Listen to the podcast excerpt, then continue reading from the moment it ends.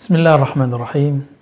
Bismillahirrahmanirrahim. Wa la hawla wa la quwata illa billahil aliyil azim. Amma ba'du. Sahabat dimakan Allah, Imam Nuta'illah dalam hikmahnya menyindir kita semua, menyindir saya, menyindir kita semua. Apa kata beliau? Syattani. Ada dua kelompok orang yang mengaku bermakrifat tapi beda kelas, beda jenis.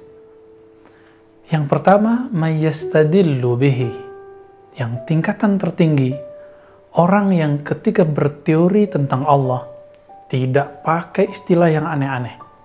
Dia langsung membuktikan Allah ada bihi dengan Allah itu sendiri. Dengan namanya, dengan sifatnya, dengan fiilnya, dengan perbuatan Allah Subhanahu wa taala. Adapun kelompok kedua, mayyastadillu alaih. Orang-orang yang berdalil yang berteori tentang Allah dengan sesuatu yang tidak berkaitan langsung dengan Allah Subhanahu wa taala.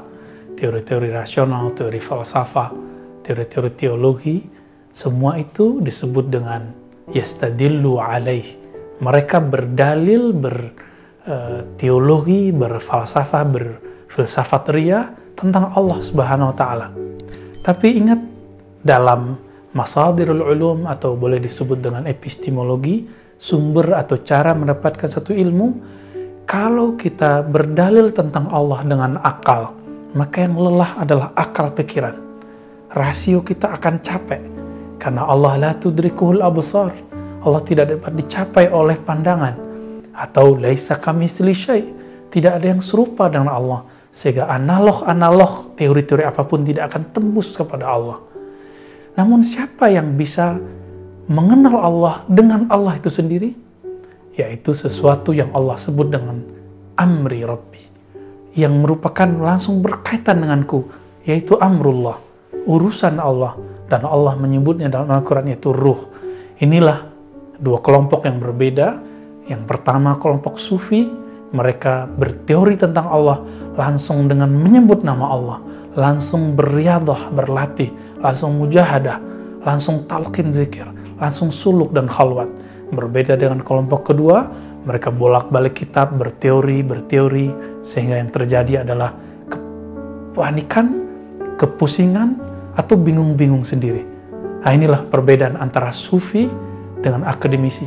Sufi tidak akan pernah melihat bahwa ma'rifat itu bertabrakan satu sama lain.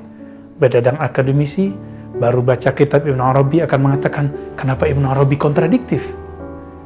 Kenapa para sufi beda satu sama lain. Tapi ahli ma'rifat yang sufi hakiki tidak pernah melihat perbedaan itu satu tabrakan. Mari bermakrifat yang lebih tinggi lagi, mencari ahli ma'rifat kesufian sehingga mengenal Allah dengan Allah sendiri. Semoga kita termasuk orang yang Allah mengenalkan dirinya kepada kita dengan namanya, sifatnya dan zatnya. Amin ya rabbal alamin. Wassalamualaikum warahmatullahi wabarakatuh.